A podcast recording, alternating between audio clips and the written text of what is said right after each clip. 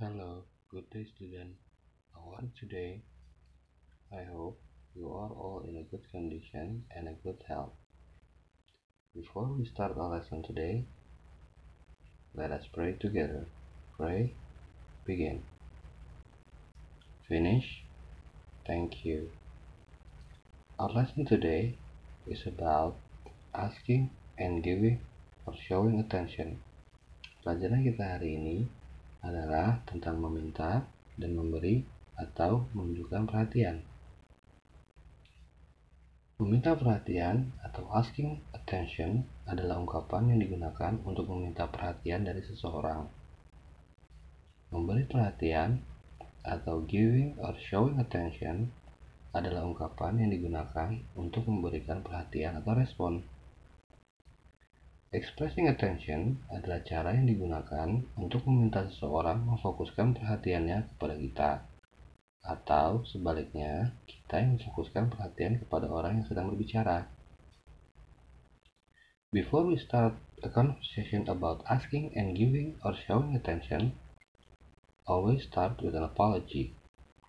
Sebelum kita memulai percakapan tentang meminta atau memberi perhatian, selalu awali dengan ungkapan maaf. Example, excuse me, or other expression like pardon me, sorry to bother you, atau jika kamu ingin menilai atau memotong seseorang yang sedang melakukan sesuatu, kamu bisa menggunakan kata sorry. You can make your request more polite by using the word could and other expression like a minute, or a moment, a couple of minutes, a few, quick and just.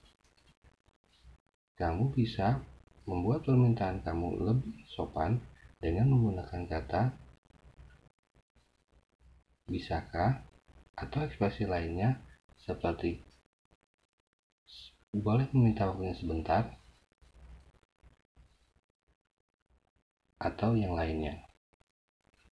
Example Contoh, excuse me, could I have a minute? Sorry, could you spare a minute?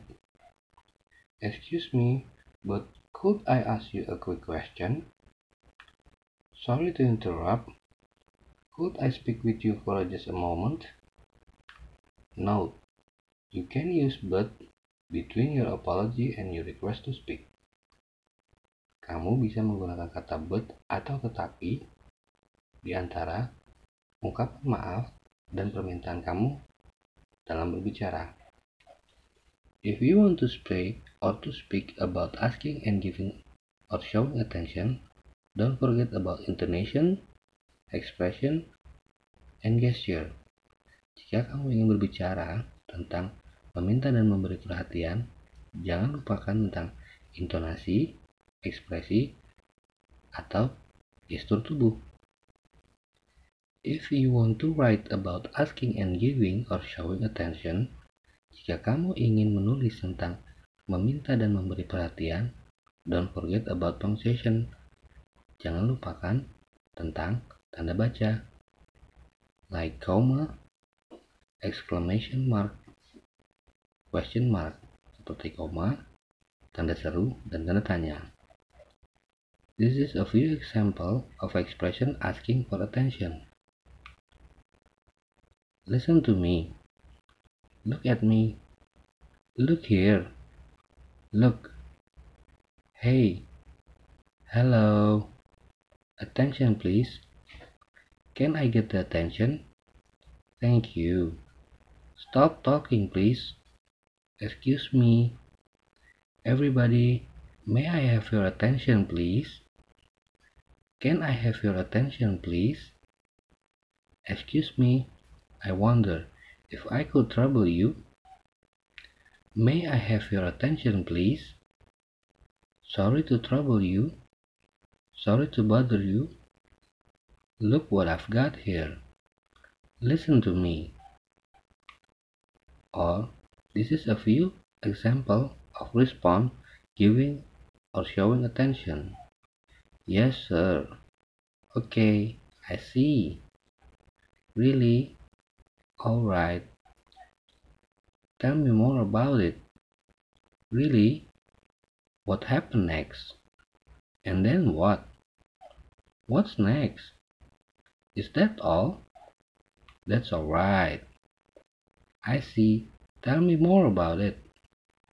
Oh, yes, really? Um, oh my god, what happened next? Aha, and then what? How interesting. What's next? I know what you mean. Is that all? Oh, indeed. Well, well, well, well. Oh no. That is a few example about expression asking for attention and respond about giving or showing attention. Now, there are a few examples of conversation I want to show you. First, between teacher and student. Teacher, don't be noisy. Attention, please. Yes, sir. Teacher, okay, next week we will do mid-examination. Students, what? Teacher, listen to me. Student, yes, sir. Teacher, the material that should be learned from chapter 1 until chapter 4. Don't forget to enrich your vocabulary with exercise. Student, yes sir. Teacher, okay, that's all for today. Good luck then. Example number 2. Wildan and James. Wildan, will you hear my story? James, yes, I will. What's about? Wildan, it is about our friend Dina. Listen to me. James, okay. Wildan, Dina asked me to join her to Batam next Sunday. James, and then? Wildan, I confused because next week I will have my first test in my course. James, I see. Then? Wildan. how to say to Dina if I can't join her? James, just say the truth. Wildan. okay, I will try. James, look what I've got here. Wildan. why? James, what do you think about my new motorcycle? Wildan, wow, that's a cool motorcycle. Next time I will borrow it with you. James, yes, sure.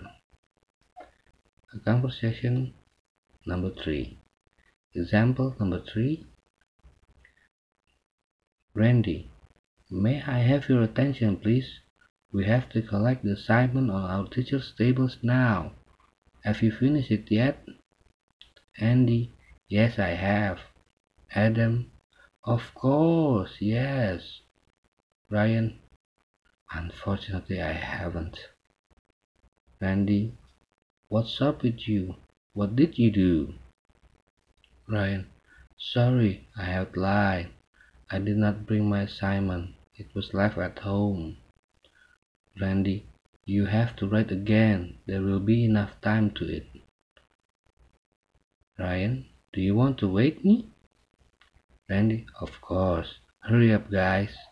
Ryan, thank you so much. Okay, student, that is our lesson today about asking and giving or showing attention. Don't forget to read this material in your Google Classroom and work your assignment that have been given to you. I hope you are all always in a good health and a good condition.